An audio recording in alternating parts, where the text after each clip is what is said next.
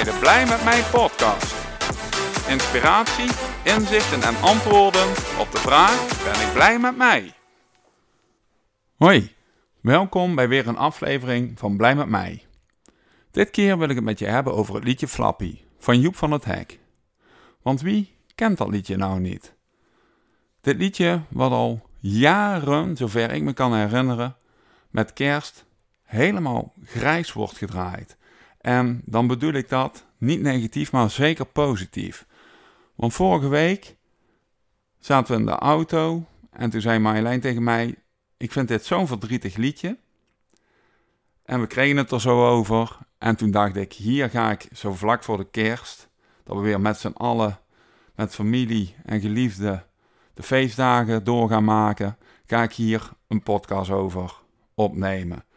Want dat liedje is de afgelopen week heel vaak door mijn hoofd gegaan. Ook de inhoud, want een kind wat een voorgevoel heeft. De avond voordat hij zijn hok leeg aantreft, nog extra gaat controleren. Omdat hij voelt dat er wat aan zit te komen. En dan ook nog daarin bevestigd wordt. De ouders die mee gaan zoeken. En uiteindelijk het kerstdiner, waar het kleine lieve konijntje Flappy op een zilveren schaal wordt gepresenteerd. En vader op een cynische manier zegt: En daar is Flappy dan? Ja, hoe moet dat voelen? Dat is diep en diep verdriet wat een kind dan voelt. Maar dat kind kan in die situatie niks anders doen dan de situatie ontvluchten en ga dan naar zijn kamertje waar het vertrouwd is. Weg uit die vreselijke situatie waar het helemaal geen zin meer heeft. Maar het is te jong om zelf stappen te kunnen ondernemen. En het mooie is wel de waanzinnige climax aan het eind van het liedje. Dat omdat het een liedje is, Joep wel besloot om actie te nemen. En het bed van vader was leeg. En dat is dan ook weer het ludieke. En de rechtvaardigheid heeft dan weer gesproken, waardoor je dan weer verder kan. En ook denk, zo, net goed. Tenminste, dat dacht ik in ieder geval. Dus ja, dat kind is toch echt wel gebonden aan zijn of haar omgeving. En het wil het wel beïnvloeden, maar dat kan helaas niet altijd. Maar dat kun je wel als volwassene. Als volwassene kun je zelf keuzes maken als jij dat wilt die verandering bij jou en je omgeving brengen. Want ik wil je toch even mee terugnemen in de tijd, want het was 1961. En dan ga ik nog een stukje verder terug, want mijn uh, ouders die zijn net van na de oorlog zijn ze geboren. En ik weet nog goed, als ik met mijn oma van mijn moeders kant uh, over het leven van, ja, toen mijn ouders jong waren had. Ze hadden thuis namelijk ook uh, beesten.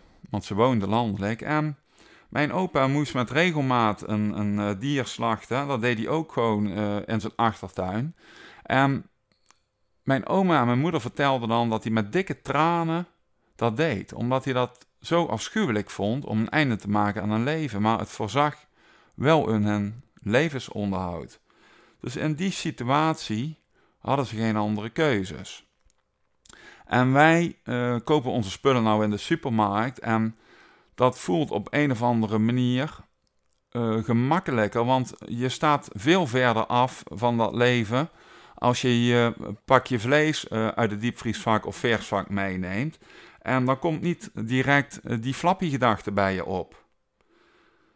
En van de ene kant is dat natuurlijk mooi, want anders zouden we voortdurend, voortdurend met dikke tranen door het leven gaan. Maar van de andere kant is het natuurlijk ook wel zo dat er steeds meer mensen besef krijgen hoe dingen verlopen op de achtergrond en daardoor opstaan om ook de rechtvaardigheid naar dieren uh, op te pakken. Dus ik wil daarmee zeggen, aan iedere situatie zitten altijd verschillende zienswijzen en manieren hoe mensen handelen. En dat is ook mooi dat je als volwassene kan handelen, want dat doe je dan hoogstwaarschijnlijk uit liefde voor de situatie. En ook omdat je je gevoel wil laten spreken, wat jij daarbij voelt bij die ene situatie daar, en daar ook naar handelt. En net als dat kleine kind in Flappy, die kleine Joep, die handelde ook vanuit zijn gevoel. Want die voelde aan dat er wat ging komen en controleerde daardoor zijn konijnenhok, wat hij normaal nooit deed.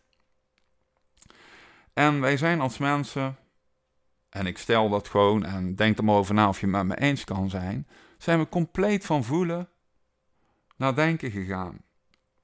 Want met denken, dat kleine stemmetje in ons hoofd, verwachten wij alles onder controle te kunnen houden, alles te kunnen beïnvloeden en alles te kunnen oplossen. En als het resultaat dan uitblijft, dan krijgen wij ook een rot gevoel. En dat duwen we dan ook weer met datzelfde stemmetje weg. Dus we zijn volledig overgeleverd aan de stem in ons hoofd.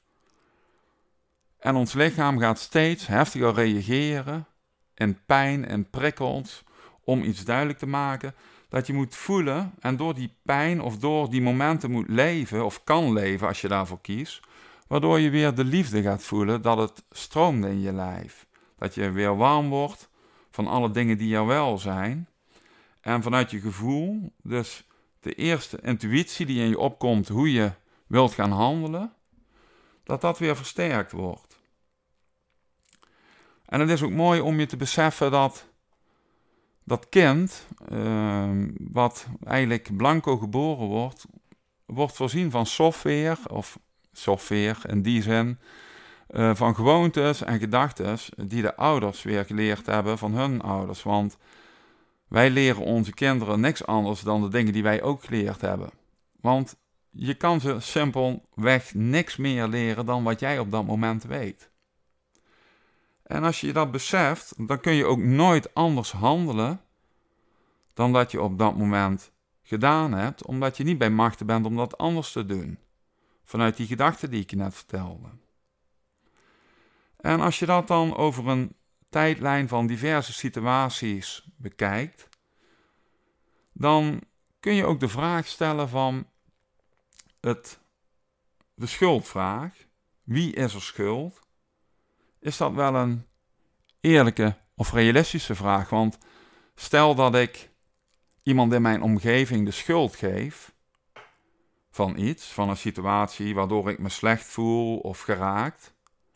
En ik besef me dat die persoon ook zo is geworden omdat hij zelf ook met die situaties heeft eh, te maken gehad vanuit zijn of haar opvoeding.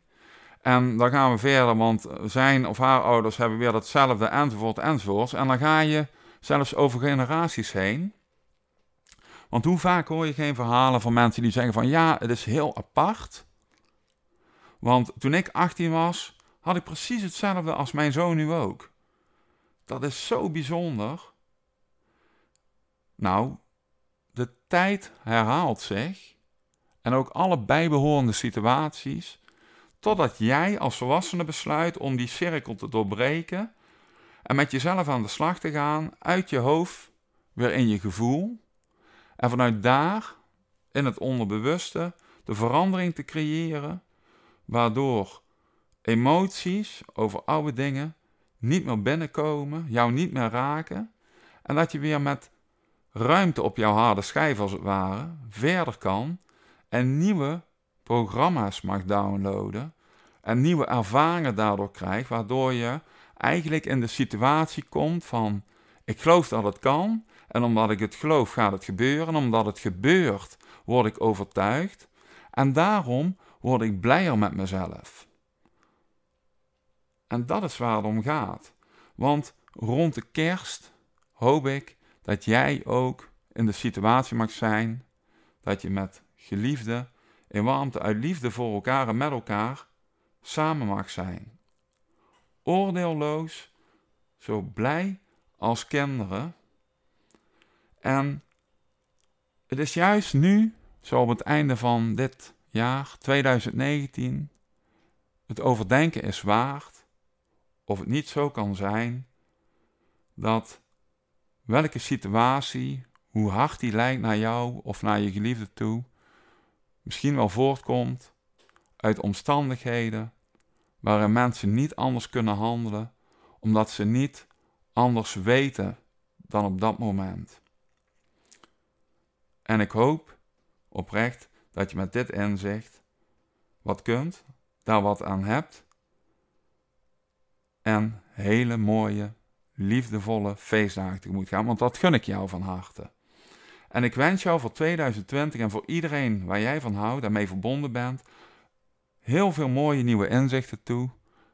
En alle beste en in goede gezondheid voor 2020.